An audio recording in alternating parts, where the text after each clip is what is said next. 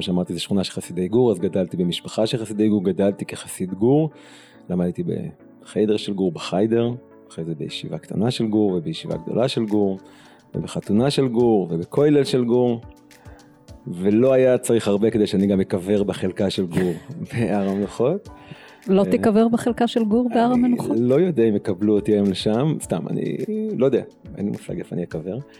אבל אה, עשיתי איזושהי פנייה בדרך, שקצת הוציאה אותי מהמסלול של חסיד גור רגיל.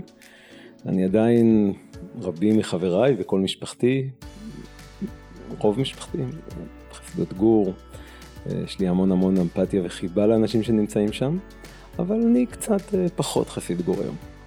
מה זה אומר? שאתה חרדי חדש? וואו. אני חושבת שזה קרה לפני כמעט שני עשורים. גרתי בעיר פריפריה צפונית, עבדתי במוסד חרדי שעסק בהפצת יהדות ובקירוב רחוקים. בעוונותיי הייתי צורכת מדי פעם עיתונות חילונית, בעיקר המקומונים החינמים האלה שהיו מסתובבים בכל מקום, במסע של שידול אגרסיבי שעציץ קצת החוצה מחוץ לחומות הגטו. אמנם היה לי אז כבר אינטרנט לצורכי עבודה, אבל גם האינטרנט אז היה בחיתוליו והמידע שהגיע אליי הגיע בעיקר דרך התקשורת החרדית שאותה צרכתי. באחד מהמקומונים החילונים האלה, באמת חסרי חשיבות ומלאי ספאם שיווקי, הופיעה ידיעה קטנה על פורום מסתורי ומחתרתי באינטרנט, שבו חרדים מדברים תחת ניקים, שמות בדויים, בכל מיני נושאים, נושאי טאבו בעיקר. הפורום נשא אז את השם שנשמע נועז ומסקרן, בחדרי חרדים. הצצתי ונפגעתי, זה היה עניין של זמן עד שהפכתי להיות כותבת פעילה בפורום הזה ובפורומים מקבילים בנושאים שונים. והמפגש הווירטואלי הזה בין קולות רבים ונושאים מורכבים שהיו עד אז בטאבו ועלו מתוך החברה החרדית הייתה תחילתה של דרך אישית ומגזרית להתפתחות של שיח חוץ ממסדי, ביקורתי, שבעיניי לפחות הוא היה מצע הגידול של מה שאנחנו רואים היום כקבוצה של החרדים החדשים. חרדית מדוברת. אסתי שושן בפודקאסט על חרדיות ישראלית מתחדשת. אני אקדים ואומר שההגדרה הזו שנויה במחלוקת ויש סביבה עצמה לא מעט עניין, אבל כדי להכיר קצת מקרוב את התופעה, הזמנתי לאולפן של חרדית מדוברת חבר ותיק ויקר, נטע כץ. נטע הוא מתמחה במשרד המשפטים ודמות חרדית מוכרת במעגלי החרדים החדשים. אז לפני שנכיר את החרדים החדשים ולפני שנצלול לסוגיות שמעניינות אותן ושמעניינות אותנו בפרק הזה, בוא תספר לנו קצת עליך נטע, גם על השם שלך שהוא לא כל כך אה, שגרתי, בטוח לא לאוזן חילונית. אה, הרקע שלך, מאיפה באת, איפה גדלת, שנכיר אותך קצת יותר טוב. אוקיי, okay, האמת, האמת שזו השאלה הראשונה בדרך כלל, והתשובה פרוזאית למדי, השם המלא שלי הוא קודם כל ישראל נתן נטע, יש לי שלושה שמות. שלוש שמות, כאלה חרדי טוב. כאלה חרדי מצוי. אמ, וישראל זה על שם האדמו"ר מגור, הבית ישראל. הבית ישראל בית ישראל הוא שם כתביו של הרב ישראל אלתר, האדמו"ר החמישי בשושלת חסידות גור. הרב אלתר הקים מחדש את החסידות בישראל בראשית שנותיה. בחברה החרדית נהוג לכנות רבנים גדולים על שם הספר שכתבו, כך גם החפץ חיים, החזון איש, הנודע ביהודה, ועוד רבים אחרים שמונצחים גם בשמות של רחובות. החרדיפדיה אבל נתנטה זה על שם סבא שלי, אביה של אמי, שקראו לו נתנטה ברסלר. הוא אגב היה איש השקפה, סופר, הוא כתב ספרים, הוא גם היה פובליציסט. אמ, שם העט שלו אגב היה, השם המקובל שלו היה אברהם ברסלר, אבל השם העט שלו היה נטע בן ארי. ו... נשמע שם של עורכת דין תל אביבית. מעניין, אבל תחת השם הזה הוציא ספרים חסידיים מאוד מאוד אה, אה, נוקבים ומלאי עיזוז, אה, פחות עורכת דין תל אביבית. אבל uh, בעקבותיו גם אני קיבלתי את השם הזה, ואני מודה שאני מאוד מאוד אוהב אותו. אני מכירה את השם הזה מסיפורי חסידים, כאילו נתן נטע. כן, נתן נטע יש שם... הרבה אדמו"ר, אדמו"רים ורבנים אה, די מפורסמים מערבות פולין ואוקראינה שנקראו עם השם הזה, תמיד נתן ונטע תמיד הולכים ביחד. אז אה, זהו שמי. אני בן 34, עוד מעט 35 וזה בהחלט מלחיץ. אה, נשוי, אב לשלושה, גר היום בירושלים, בשכונת מקור ברוך. במקור ההורים שלי גרים בתל אביב, זה לא תל אביב כמו שזה נשמע, יש בתל אביב שכונה של חסידי גור, לא רבים יודעים, במרכז הצפון של תל אביב, בין נווה שרת, רמת החייל וצהלה, ישנה קריית הרים לוין של חסידי גור, מין ממש, זה גם בנוי בצורה של חטא כזו, חס, ללא מוצא, שבאמצע יש בית כנסת, השטיבל, בית ספר, חיידר ואני חושב 13 בענייני מגורים. שטיבל, בית כנסת קטן, והטיה לרבים, שטיבלח. מקום המשמש לתפילות יומיומיות, לעתים כאלה הנאמרות בחטף, ולאלה שמתעצלים לקום בזמן. שטיבל הוא מונח הלקוח מהתרבות החסידית, אך הפך להיות רווח גם בקרב קהילות אחרות. החרדיפדיה. שם גרים קהילה של 250 משפחות, ושם אני ביליתי את ילדותי כשהקשר היחיד שלי לתל אביב, או המוצא מתל אביב היה קו 54ב' ואחרי זה קו 7 שמוביל ישר לבני ברק. אה, שם אפילו בזמני כשאני עוד הייתי ילד גם החיידר, החיידר היה בבני ברק, היינו נוסעים יום יום, היינו פשוט איזשהו סניף כזה של בני ברק, שאומנם נמצא בתל אביב גיאוגרפית, אבל מעשית הוא לגמרי בני ברק. אז אני אומר תמיד גם שאי אפשר להפסיק להיות חסיד גור, אתה חסיד גור ועל זה אתה יכול להוסיף עוד כל מיני דברים. אז כאילו חרדי חדש, אני לא, לא יודע, זה, זה, זה, אני חושב שזו הגדרה נוחה אה, לדבר על הדברים, כי אפשר להתווכח אם זה חדש, אם זה לא היה ככה בעבר, זה נכון בהיבטים מסוימים, זה לא נכון לגביי, וזה לא נכון לגבי העובדה שאני מאוד שונה מהרבה מאוד, או רוב החברים שלי. כבר לא כל, תמיד, זה, זה כבר, אני כבר לא בודד, יש איזושהי תופעה כזו. אמ, אני חושב שיהיה נוח לכנות את החרדים החדשים, למרות שאני לא לגמרי שלם עם ההגדרה הזו. כן, אני חושבת שהרבה חרדים חדשים לא שלמים עם ההגדרה הזאת, אבל אולי ככה סוציולוגים מכנים אותם, או שלפעמים הם מכנים את עצמם ככה לצורך העניין, אבל זו באמת, כמו שאמרתי בהתחלה, הגדרה שנויה במחלוקת. אז אה, מעניין אותי בהקשר הזה, חרדים חדשים. למאזיננו שלא מכירים אפילו מה זה חרדים ישנים, הם רואים אותם בתקשורת, אה, הם צובעים אותם בדרך כלל בצבע שחור כזה, זועם. אז חרדים חדשים, יש להם היום איזשהו ביטוי קהילתי, חברתי, פוליטי, תקשורתי, איפה הם? מי הם? אז קודם כל נתחיל עם הבעיה הבסיסית במה שנקרא קהילת החרדים החדשים, שזו קהילה של יחידים. כי אולי התופעה המשותפת לרוב החרדים החדשים שהם מגיעים מקהילות והם יצאו מקהילות, הם מצאו את עצמם כאינדיבידואלים. והעובדה שרובם אינדיבידואלים באמת יוצרת איזושהי אה, אה, אה, בעייתיות מובנית בהגדרה של קהילה, כי הם פשוט לא קהילה, הם, הם אנשים פרטיים. אני תמיד, מה... הדימוי שלי לקהילה הזאת זה ניסיון לראות עדר של חתולים. זאת אומרת, בוא תנסה לקחת אה, חתולים, כל אחד אינדיבידואל בפני עצמו, ולעשות מהם עדר. אמ, כן, אני חושב שזה דימוי מעניין, אני לא בטוח שאני סגור עליו, אבל זה דימוי מעניין. אמ, אבל זה כן מאפיין מאוד מאוד בולט שבא לידי ביטוי בהמון ניסיונות שכן היו אה, לפני חמש, שש, שבע, שמונה שנים של התארגנויות והתגבשויות והתאגדויות פוליטיות, חברתיות ואחרות, שתמיד הם נתקלו במחסום הזה של אנחנו לא רוצים קהילה, אנחנו לא רוצים שיחליטו עלינו, אנחנו לא רוצים עסקנים, אנחנו לא רוצים מנהיגים, אנחנו לא רוצים, היה לנו מספיק, סבלנו מזה, יש המון ריאקציה מהדבר הזה. אז קשה לי להגיד שיש איזושהי קהילה מובחנת ומסודרת ומאורגנת, בטח עם כזו שיש לה ביטוי פוליטי. אז מה בעצם מאפיין את החרדים החדשים, כפי שאתה רואה אותם וגם דרך הסיפור שלך? אני מעדיף לדבר על הסיפור שלי ועל רעיונות שלי כי קשה לי באמת לתת איזשהו אינפוט גדול ורחב על כלל החרדים החדשים זה משהו שהוא די נעלם בעיניי. אני חושב שהמאפיין שאני רואה אצל עצמי ואצל רבים מסביבי, קודם כל זה איזושהי ביקורתיות, זה אולי השלב הראשון. איזשהו מין לפתוח את העיניים ולהבין שמשהו פה לא בסדר. שמשהו באופן שבו סידרו לנו את העולם, זה לא לגמרי הסדר הנכון, ואולי מאוד לא סדר נכון.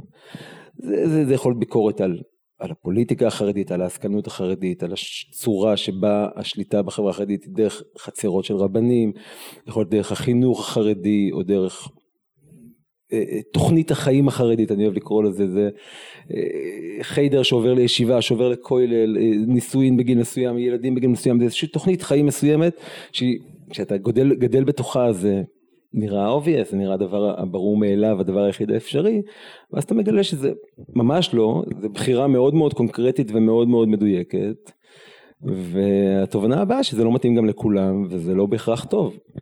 ואני חושב שהתובנה הראשונה זה הביקורתיות הזו שמתחילה לחלחל בשלבים מסוימים אצל כל אחד. אבל זה לא רק ביקורתיות, זה גם היכולת להשמיע את הביקורת הזאת, כי כנראה ביקורת הייתה תמיד, אבל היא, היה קצת פחד להשמיע אותה, אולי בחסות הקהילתיות הזאת, או כאילו איזה מין קבוצה כזאת, כן הקולות הביקורתיים צפים.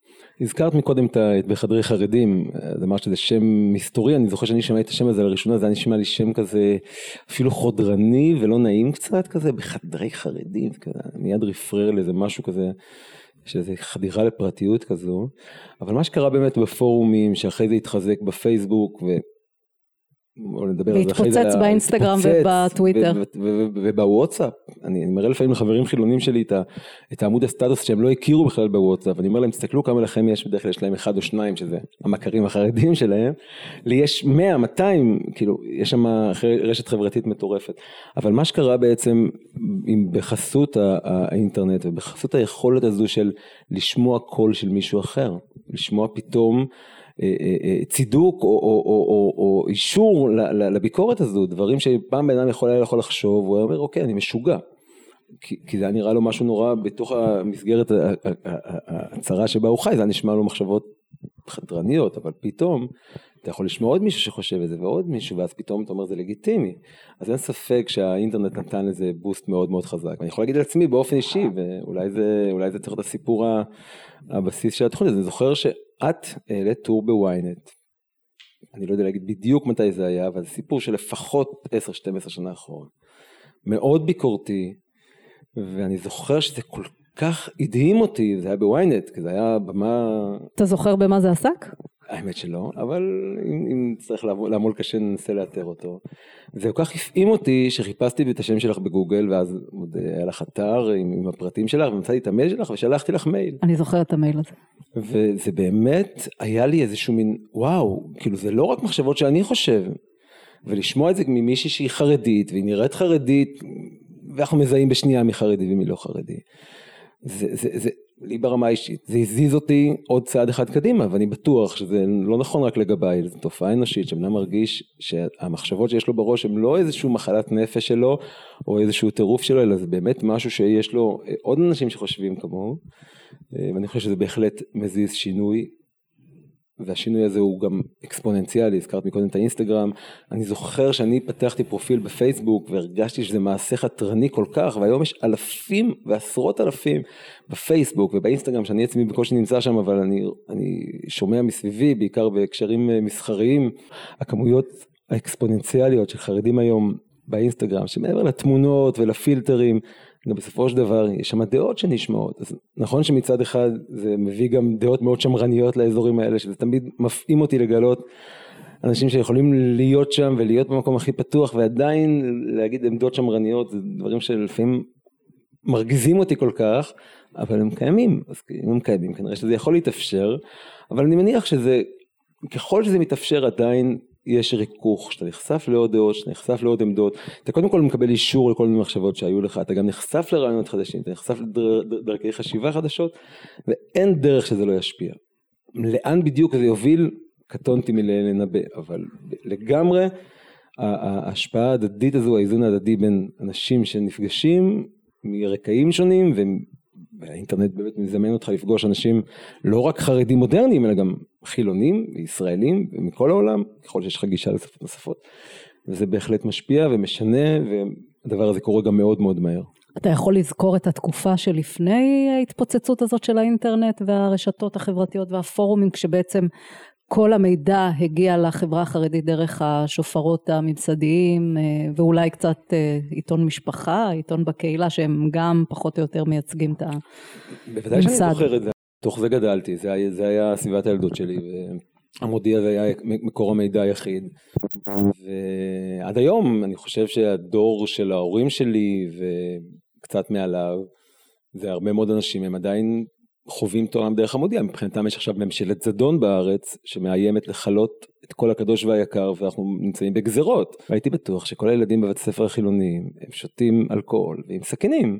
וכל החילונים הם אנשים נורא נורא רעים ונורא מגושמים ונורא אה, אה, לא מעודנים ונורא, זה היה, זו הייתה תפיסה, ולא הייתי אידיוט. ו... אני חושב שהייתי אפילו במושגים שלי אז אפילו קצת רחב אופקים, אבל עדיין זו הייתה תפיסת המציאות שלי. ואני, עדיין ישנם אנשים כאלו, אבל הם הולכים ומתמעטים, והדבר הזה בהכרח משפיע. מה האתגרים והנושאים שהקהילה הזאת, או האי קהילה הזאת של חרדים חדשים, מתמודדים איתם וזקוקים להם? אני אדבר על האתגר המרכזי, אני מניח שיש אתגרים רבים נוספים, אה, בעיניי לפחות. האתגר המרכזי הוא החינוך. אמ, זה מגיע כתוצאה מזה שחינוך הפך בחברה החרדית למעבר לחינוך במשמעות הפשוטה של המילה למעין כלי שליטה קהילתי. בעצם איך אפשר לכפות על הורים לא ללכת עם סמארטפון או איך אפשר לכפות על אימא לא להחזיק ברישיון נהיגה או לא להחזיק אינטרנט בבית. הדרך היא עוברת דרך המוסדות של הילדים, ושם בעצם קובעים את הכללים. דרך זה, ביד אחת הקהילה מחזיקה את, ה, את הנתינים או את האזרחים או את איך שנגדיר אותם בתוך הקווים. ביד השנייה אגב יש גם אלמנט תקציבי מאוד גדול, החינוך העצמאי וגם המוכר שאינו רשמי וגם מעין החינוך של ש"ס, הם בעצם אה, אה, עד היום נותרו מערכות חינוך פוליטיות, קום המדינה לכל מפלגה הייתה מערכת חינוך, לאט לאט הפכה להיות, תוך כמה שנים אה, יצרו את המערכת הממלכתית, אבל נותרו איים. האיים האלה זה מערכת החינוך החרדית, שהיא בעצם מערכת חינוך פוליטית. לש"ס יש מערכת חינוך. עכשיו מערכת חינוך זה לא רק החינוך שלה במובן הפורמלי, זה גם מערכת ניהול, זה מערכת תקציבים, זה מערכת של אנשים שהם נאמנים למפלגה, שמתמנים לנהל את מערכת החינוך הזו ולנהל את בתי הספר ולהיות מורים וכל שרשרת המזון, זה גם, אה, אה, כולם גם פעילים של המפלגה במידה כזו או אחרת, זה גם נכון לגבי החינוך העצמאי, גם אם לא, גם אם לא פעילים במובן ה... ה, ה המיידי של המילה, אבל הם, הם אנשים של המפלגה, אה, אה, זה מנוהל בצורה הזו, בתוך החינוך העצמאי זה אפילו ברמה של הסיעות, יש עדיין בין הסיעות השונות בתוך יהדות התורה מריבות על, על, על, על התקנים ועל הניהול וכולי, כי זה לגמרי גם, גם אלמנט כזה של כוח. אה, חרדים חדשים, כשהם רוצים בעצם לצאת מהקהילה, או שהם רוצים לבחור לעצמם איזושהי תוכנית חיים שונה במקצת, האתגר הכי גדול שעומד מולם זה החינוך. זה קודם כל למצוא בכלל מוסד חינוך שיקבל אותם, אבל אחרי שעוברים את השלב הזה, הם רוצים גם מוסד חינוך שהוא מצד אחד מתאים לאורח החיים שהם בחרו בו, או מתאים לתרב, לתרבות שלהם, שהיא תרבות חרדית, ומצד שני גם מעניק את הכלים שהם להם עצמם חסרים, שזה מה שנקרא מקובל לקרוא לימודי ליבה. שאני חושב שהדבר, הביטוי הכי מרכזי שלו זה אנגלית, לימודי אנגלית, אבל גם מתמטיקה וגם מדעים וגם דברים נוספים שבחינוך חרדי רגיל לא ניתנים לילדים. ומכיוון שכמו שתיארתי מערכת החינוך היא, היא לא עוד עניין שולי אלא אחד הנושאים הליבתיים של, של, של החברה החרדית אז ניטשת על זה מלחמה. וב-2000 12-13 בממשלת לפיד הראשונה, לפיד בנט נתניהו, אה, התחיל אמנם זרזיף שנקרא החינוך הממלכתי חרדי, שנוצר אז כדי לייצר אלטרנטיבה כדי לחייב את שאר מערכת החינוך החרדית ללמוד לימודי ליבה. הטיעון המשפטי היה שאי אפשר בעצם ביום אחד להפסיק באבחת חרב את כל מערכת החינוך החרדית. חייבים להציב אלטרנטיבה מדורגת, שחינוך, שמוסד יוכל לבחור האם הוא הולך לממלכתי חרדי ואז הוא יהיה מתוקצב, או שהוא בוחר להישאר במסלולים אחרים ואז הוא לא יהיה מתוקצב בכלל, או, או, או לפחות בצורה מאוד מאוד אה, אה, מינורית.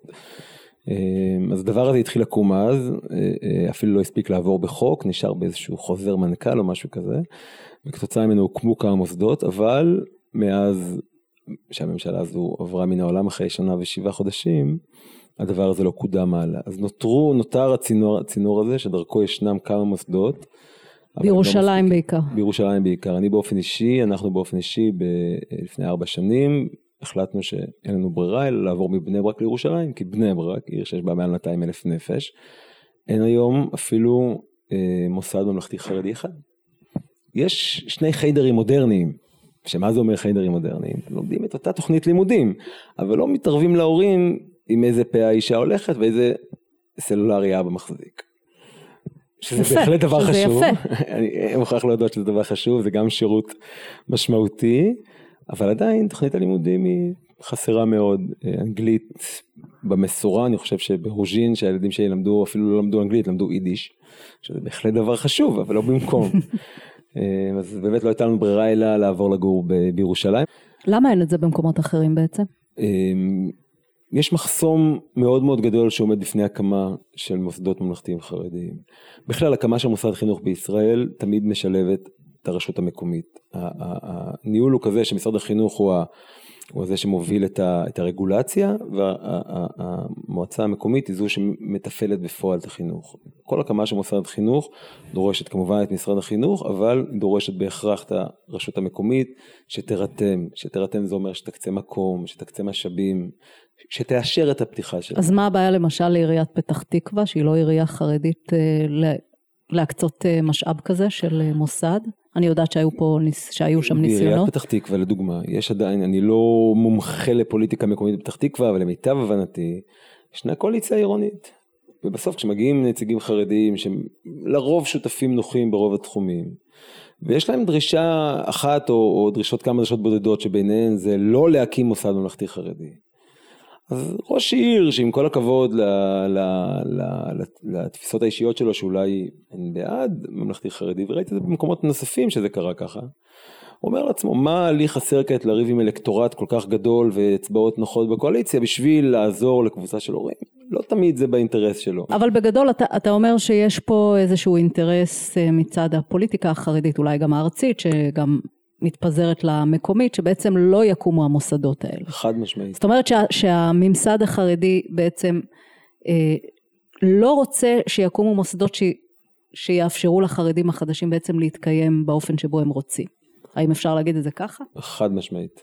אני לא חושב שיש מישהו שחולק על זה, מי שחולק הוא עוצם את העיניים. אה, הפוליטיקאים החרדיים אה, יודעים ומבינים והם טיפשים הם לא, ברובם. הם יודעים שזה לגמרי מאיים על בסיס הכוח שלהם. אני חושב שהביטוי אולי קטן אבל כל כך משמעותי שאני יכול לספר על ההבדל בין, בין מוסד חרדי למוסד ממלכתי חרדי זה ועד הורים.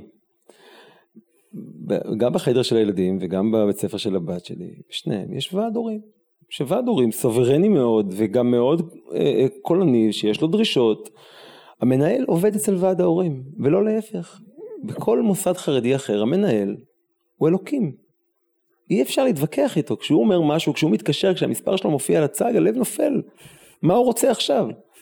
ופתאום המנהל זה בן אדם שמתקשרים אליו כדי לתת לו כל מיני רעיונות חינוכיים או, להעביר ביקורת על כל מיני דברים שקרו בבית עובד- ספר. שהוא עובד הוא עובד של הציבור, הוא לא מנהל של הציבור, הוא לא אחראי על הציבור, הוא עובד של הציבור. זו תפיסה שהיא זרה לחלוטין לתפיסת החינוך החרדית. המנהלים הם אלה שבדרך כלל שולטים על הציבור, מנהלי המוסדות. וזה אחד, אחד, אחד הדברים הכי פשוטים אבל שממש מסמלים את כל העניין הזה. אז אה, החינוך הממלכתי חרדי הוא בהחלט אה, אה, אתגר גדול. אני חושב שהוא מוצב לפתחה של הממשלה הזו, שבאמת מייצרת הזדמנות מאוד מאוד משמעותית לעשות שינוי בהקשר הזה. אתה חושב שיש אפשרות שזה יקרה? אני חושב שיש יותר מאפשרות, אני חושב שיש בהחלט הזדמנות מדהימה שכל מרכיבי הממשלה החדשה הם יותר מתומכים ברעיון הזה, הם ממש בעדם, ואני... שאלה אם זה לא ייצור ריאקציה בתוך העולם החרדי, כמו שאתה אומר, ממשלת זדון, ממשלת שמד, ו- וייקח אולי, אולי ייקח אותנו אחורה בהרבה מובנים של אני- התודעה ושל התפיסה. אני ממש מתחבר לחשש הזה. אה, ניסיתי גם ל- לומר אותו לכל מיני אנשים שהם קרובים למקום הזה, לומר להם, הדבר הזה צריך להיעשות בחוכמה ובעדינות ובאהבה, ואתם תקבלו בליסטראות בכל מקרה, זה לא יפתור את זה, ועדיין צריך לרכז מאמץ שהשינויים האלה ייעשו בצורה חכמה ועדינה, וכדאי גם בהתייעצות עם אנשים שחיים בתוך הקהילה, אני מקווה שהם יקבלו את הדבר הזה, כי באמת יש סיכון גדול. הממשלה חייבת להגדיר שבכל עיר חרדית תהיה את האופציה להורים שמעוניינים בכך לשלוח את הילדים שלהם לחינוך ממלכתי חרדי. אפשר להמשיך לממן את כל המוסדות האחרים. אבל יש- פתיחת האופציה, זה, זה משהו ש... אז זה משהו שעל. המ... שעל הממסד יהיה לו מאוד קשה זה נכון. לקבל את זה. לממסד יהיה קשה לקבל כל שינוי, אבל הרבה יותר קשה לצייר באופן שחור פתיחת אופציה מאשר כפייה. וכשאתה אומר אני לא כופה עליכם שום דבר, אני בסך הכל מאפשר למי שכן מעוניין, אני לא אומר שזה יעבור בקלות ואני לא אומר שזה יקבל כותרות מחמיאות בהמודיע או ביתד, אבל אני כן חושב שדרך פעולה כזו תייצר שינוי אולי פחות דרמטי ומהיר כמו שנראה שיקרה אם יכפו על כולם לימודי ליבה, אבל זה שינוי שהוא יציב וחזק שיכול, והנה, אה, אה, אה, הממלכתי חרדי, עצם הרשת הזו הוקמה באיזשהו חוזר מנכ"ל ועד היום אמנם לא בשורה אדירה אבל עדיין אלפי הורים מצאו את הפתרון הזה. אם, אם ייסדו כעת יסודות כאלה שיוכלו לאפשר אופציה לאלה שרוצים שגם הם ימשיכו לעוד שנים זה יכול להיות קטליזטור משמעותי לשינוי גם אם לא דרמטי ביום אחד. אז אנחנו מדברים פה על אה, שני צירים בעצם. אתה מדבר על דברים כבדים כמו חינוך, כמו עתיד ילדינו. דיברנו גם על מה שקורה ברשתות החברתיות, באינסטגרם, הציר היותר נהנתני, ואני מנסה להבין איפה נמצאים החרדים החדשים, אם אפשר לקרוא להם ככה, בציר הזה של אידיאולוגיה, של איזושהי דרך חיים חדשה, מתוך הבנה, מתוך רצון להשתלבות, לבין נהנתנות, אה, בורגנות, אה, רצון פשוט אה, להתפרנס ולחיות יותר טוב.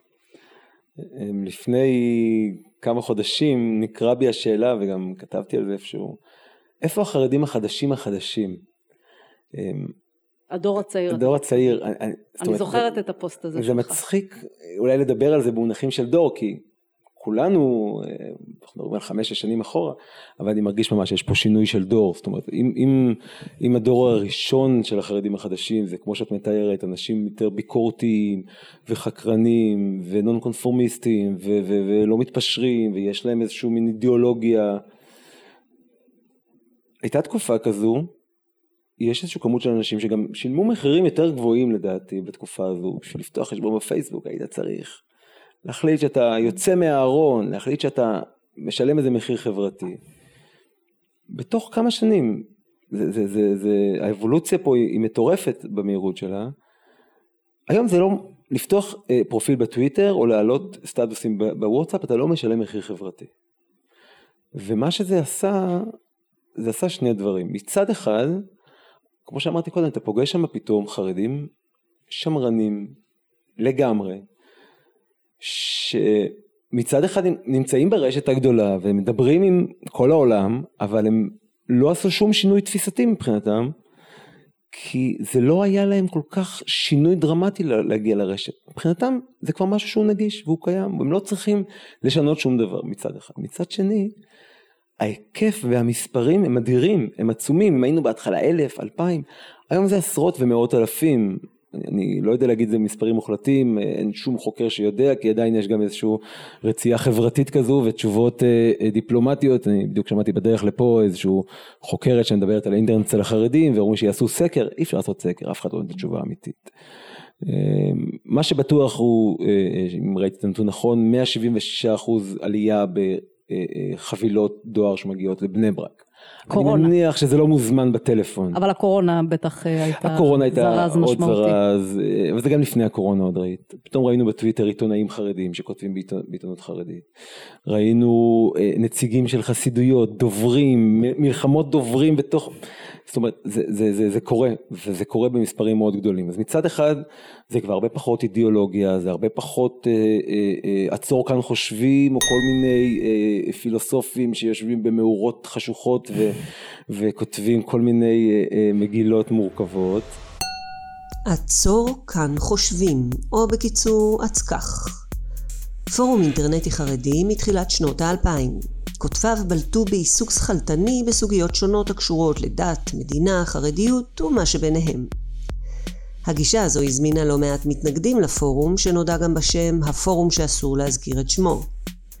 עם פריחת הרשתות החברתיות ירד הפורום מהפופולריות שלו, אך דיוניו עדיין זמינים ברשת. החרדיפדיה. המשלב הלשוני ירד קצת, אבל זה כבר כמויות ממש אדירות. ואני לא חושב שאפשר להיות עם פרופיל בטוויטר ולהישאר הרבה זמן. אני מנסה לנבא משהו, זה, זה מה שאני חושב, אולי אני טועה.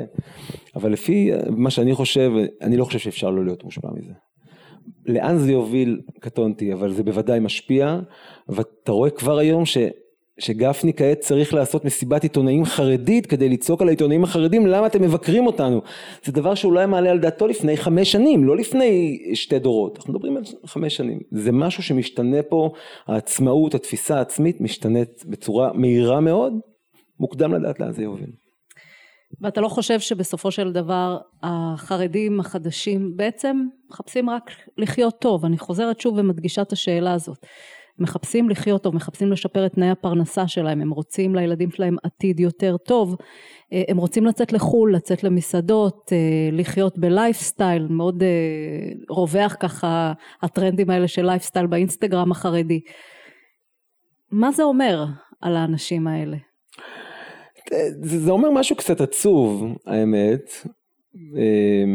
במידה מסוימת, כי יש איזושהי תפיסה עצמית שאתה גדל בתוך, בתוך הציבור החרדי, תפיסה עצמית אליטיסטית כזו שאנחנו בראש ההר, האנשים הכי רוחניים. שהמוסר אצלנו. המוסר ש... אצלנו הוא הכי גבוה. ואתה מגלה שזה לא לגמרי נכון. זאת אומרת, כן, המאפיינים הקהילתיים מביאים לכל מיני אה, אה, אלמנטים שהם יותר צנועים או יותר... אה, יש מקומות באינטרנט שכן מתקיים עדיין השיח הזה הנוסטלגי, הביקורתי, הפילוסופי, זה, זה, זה מתקיים עדיין?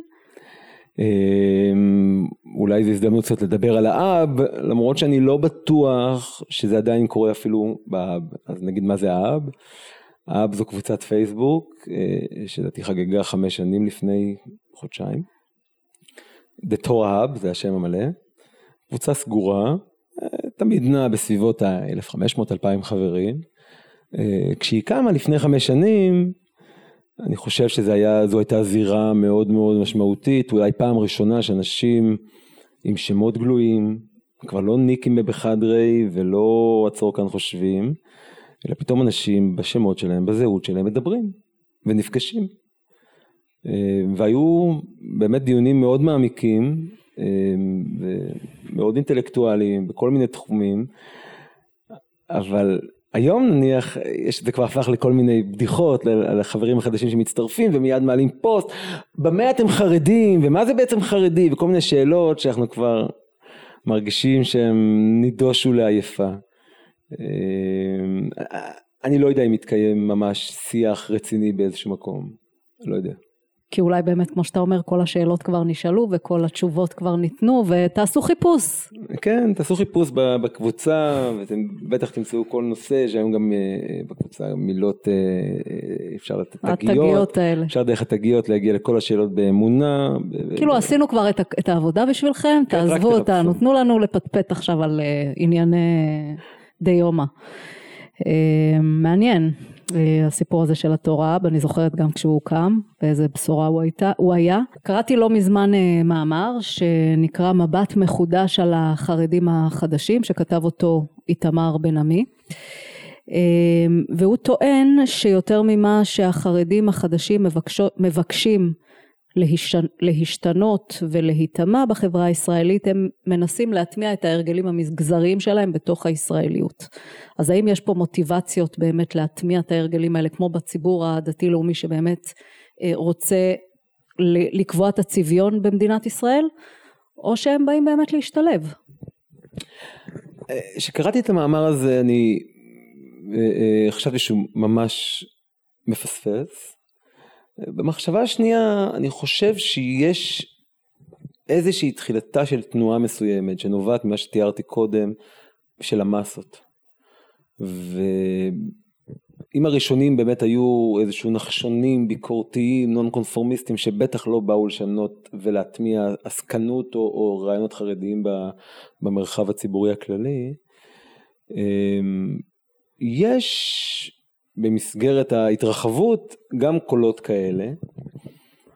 אמ, זה זיהוי מעניין, זו מחשבה מעניינת, ומעבר לאנשים האלו, אם נעמיק בזה טיפונת יותר, גם בקרב החרדים החדשים, אני אדבר אפילו על עצמי, אני מזהה אפילו אצל עצמי לפעמים את המוטיבים האלה. כשאני נתקל באיזושהי בעיה, תמיד האינטואיציה שלי תהיה לפנות לעסקן או למאכר שיסדר לי את זה, זה אף פעם לא יהיה לשלוח מכתב עם בול לביטוח לאומי. אמ, לשלוח מייל. יותר פשוט. עם, עם, עם, עם, ראיתי המון מרכזים שנפתחו כאלה בערים החרדיות של אה, מחשבים, ראיתי את זה מדהים, של אופיס כזה, שמגיעים מחשב לשעה. אמ, שולחים מייל. ושולחים מיילים, כן. אמ, יש משהו ב, ב, באורח חיים ובתרבות החרדיים שהולכים איתך הרבה הרבה הלאה, כמה שתהיה ביקורתי. שזה באמת דבר שאני לא יודע להציע לו פתרון. אני חושב שהחרדים הביאו את זה לשיא בשני היבטים, גם במובן הזה שנכנסים לשוק העבודה בשלב מאוחר, גם אם רוכשים השכלה זה כבר, אז זה דורש עוד כמה שנים, אז זה כבר מגיע לגילי השלושים והלאה, ואז הציפייה של אנשים כאלה היא מיד להפוך להיות או מנכ"ל, או יועץ לשר, או יועץ לענייני חרדים של משהו. או שותף. אה. או, שות, או, או עצמאי, כן, או עצמאי או יזם, אה, שזה דבר מבורך בהיבטים מסוימים, אבל אני, אני מביא את זה כדוגמה בעצם כל מיני דברים שטבועים בתרבות החרדית שהם לא בהכרח קשורים לקטע דתי כלשהו. ובמה, ובמה אתה לא מסכים? חושב, ובמה אתה לא מסכים? ב... אני לא חושב שבאופן כללי התנועה של החרדים החדשים היא תנועה של, של החצנה של חרדיות למרחב הכללי, אלא במידה רבה מאוד, בוא נודה על האמת, זה אה, אה, יציאה מהחרדיות. אני לא יודע לאן, כי אני לא חושב שהחרדים החדשים מציעים איזושהי אלטרנטיבה דתית, בשונה אגב מהציבור הדתי-לאומי, שגם הזרמים המודרניים שבו תופסים את הדת כמשהו מאוד אותנטי ואינטגרלי מהחיים שלהם. אצל החרדים החדשים יש, יש וורט חסידי שמדבר על ויאמינו בהשם ובמשה עבדו. שמאמינים בהשם, איך מאמינים בהשם? דרך משה עבדו. האמונה בצדיק זה בעצם להאמין בהשם. וורט דבר תורה קצר, חידוש מחוכם או פרשנות מפתיעה לפסוק מוכר. אם אתה חרדי ורבלי ויודע ספר, תמיד תהיה מוכן עם איזה וורט קצר וקולע לשליפה סביב שולחן או באירוע. החרדיפדיה את זה כדוגמה לומר שכשאתה מאבד את הצדיק, או כשאתה לצורך העניין יוצא מהחסידות, אז במקרים רבים אתה גם מאבד את האמונה בהשם, כי, כי לא הייתה קיימת שם אף פעם בפני עצמה, היא תמיד הייתה כנספח לצדיק. בגור תמיד היו אומרים למה אתה לא עושה עבירות? כי אתה מפחד שהאייבישטר יספר לרבה. אז אתה לא רוצה שהוא יספר לרבה שעשית עבירה, אתה נזהר. התחלתי לומר שבניגוד, אני מקווה שזה ישתלב שוב. אז התפיסה האמונית כשלעצמה היא לא, היא לא קיימת בנפרד מתוך התרבות. בשונה ממש מהציבור הדתי-לאומי, שם התפיסה הדתית מתקיימת, אתה יכול לראות נערים בגיל ההתבגרות שמורידים את הכיפה לשנתיים שלוש ואחרי זה חוזרים כי הדת אצלם תמיד הייתה משהו שהוא לא קשור רק לתרבות, הוא לא קשור רק ל, ל, לאיזשהו, אה, ל, ל, ל, לתוכנית החיים אלא משהו שהוא פנימי בנפש שלהם. שזה משהו שהחרדיות על אף תפיסתה האליטיסטית לא הצליחה להטמיע, אין תפיסה דתית חרדית, יש תפיסה תרבותית חרדית. ולכן אני חושב שכשהחרדים קצת יוצאים מהתרבות החרדית אין להם הרבה מה למכור החוצה ואני לא חושב שהם ולכן התזה הבסיסית של המאמר הזה ממש אני מתנגד לה באופן נחרץ אני לא חושב שהיא מתקיימת כי אני לא חושב שיש לחרדים מה לתרום לא בעולם הדתי ולא בעולם המדיני במובן הזה של להטמיע פה איזשהו תפיסות אחרות כי זו הטענה, הטענה למשל על ההפרדה באקדמיה ועל עכשיו מדברים על הפרדה במעיינות, בכלל כל הסיפור הזה שחרדים יוצאים לטייל ב- ב- בארץ זה גם סיפור חדש, אנחנו היינו בדור שלנו פחות אה, טיילנו במעיינות, זה, זה היה נראה לי דבר שאו אה, דתיים לאומיים עושים או חילונים, זה היה פחות חרדי לעשות את זה, היום אתה רואה חרדים שיוצאים לפארקים ועושים על האש ו, ואז פתאום אה, מתעורר הצורך לעצב איזשהו מרחב ציבורי שתואם למה שהם מכירים בבית ופה מתחיל החיכוך הזה בין העולם החילוני לעולם החרדי ויכול להיות שעל זה יושב הפחד הזה שכותב המאמר מדבר עליו. כן אבל אני לא חושב שנכון לאפיין את זה לחרדים חדשים. כשאנחנו מדברים על חרדים חדשים לפחות במסגרת השיחה שלנו, ככל שניסינו להגדיר, אנחנו מדברים על, ה, על, על הפלח הביקורתי. ואני לא חושב שהפלח הזה הוא פלח שבאמת יש לו איזושהי אג'נדה אחרת למדינה, או אג'נדה דתית אחרת שהוא מנסה להשליט. הוא, אני חושב, לפחות ככה אני רואה את זה, מנסה להבדיל בין האלמנט התרבותי לבין האלמנט המדיני, שמבחינתו האלמנט המדיני האזרחי הוא, הוא טוב, אפשר לשפר אותו בהמון היבטים, אבל אין לנו איזושהי אג'נדה חדשה לספר איך לנהל את המדינה. אנחנו רוצים ללמוד איך לעשות את זה, אבל אין לנו איזושהי תוכנית אחרת לנהל את המדינה, אין לנו איזושהי תוכנית חדשה. וזה שאומנם יש היום הרבה יותר חרדים גם מספרית אבסולוטית וגם שיוצאים החוצה במספרים גדולים כמו שהזכרנו קודם גם ברשתות החברתיות אבל גם בפארקים ובמעיינות זה לא תופעה של חרדים חדשים בעיניי זה כן תופעה של גדילה והתרחבות של הציבור. באמת זה מייצר באמת שאלות מורכבות מאוד אני לא בטוח שיש לי עמדה חד משמעית לגבי הפרדה באקדמיה זאת אומרת יש פה איזושהי מלחמה בין שני ערכים שמאוד, ובין שני ערכים ש, ששניהם יש משמעות תהליכית בהתרחשות שלהם. אז דיברנו על דור החלוצים, שזה בסך הכל חמש שנים אה, לפני, אה, אולי קצת יותר, אה, ועל הדור הזה שכבר נמצא בכל מקום ומרגיש שהכל מובן מאליו. ואני רוצה לשאול אותך נטע, האם החרדים החדשים יכולים להעביר איזושהי מורשת בין דורית, או שהסוף שלהם בעצם הסוף של, של ילדיהם להיטמע בזרמים הקיימים, או בזרם החילוני, או בזרם הדתי-לאומי לצורך העניין, או לחזור למקורות, לחרדים המסורתיים הישנים. אני מודה שהייתי שמח לספק איזושהי תשובה רומנטית אמ, לשאלה הזו. אין לי כזו, אני באמת לא יודע. אני באמת לא יודע ואני גם קצת אה, פסימי בהקשר הזה. אני לא, לא באמת רואה, זה אפיזודה, כשאנחנו מסתכלים במונחים של היסטוריה, כאילו, אנחנו רואים חמש שנים, זה כאילו, זה, זה באמת אפיזודה. אני לא רואה פה איזושהי מורשת קרב שיש פה מה להעביר הלאה, אבל גם את זה מוקדם לבחון, כי אנחנו באמת, אנחנו, אנחנו חיים, זה ההווה שלנו, אנחנו לא באמת יודעים. אמ, אם פעם הייתי יותר אה, אה, פרוע בדמיונות שלי ובמחשבות שלי וב... תשתף אותנו, שלי. תשתף לא, אותנו במחשבות של פעם. פעם היה לי ברור שהשינוי זה רק עניין של זמן ורק עוד קצת ועוד שנייה ועוד יכירו ועוד זה ופתאום הכל אה, התפוצץ ברם. זה לא קרה.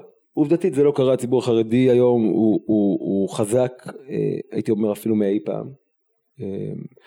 אנחנו רואים את זה בתוצאות של הבחירות, אנחנו רואים את זה אה, אה, אה, בכל החצרות, בכל הקהילות, אבל מוקדם לדעת, אנחנו באמת תוך כדי ההתרחשות של הדברים, דברים קורים והם מאוד מרתקים ומאוד דינמיים וקורים במהירות רבה, אז כדאי ליישר אופטימיים. אז עם הרצון הזה להישאר אופטימיים, אנחנו נסיים את השיחה שלנו. נטע, תודה רבה שהגעת. תודה רבה אסתי, היה לי לעונג. עד כאן חרדית מדוברת. אסתי שושן בפודקאסט על חרדיות ישראלית מתחדשת. עורכת מירנה קציר, תחקיר אפרת ג'הסי, מפיק עמרי קפלן, תודה מיוחדת לברית יעקבי.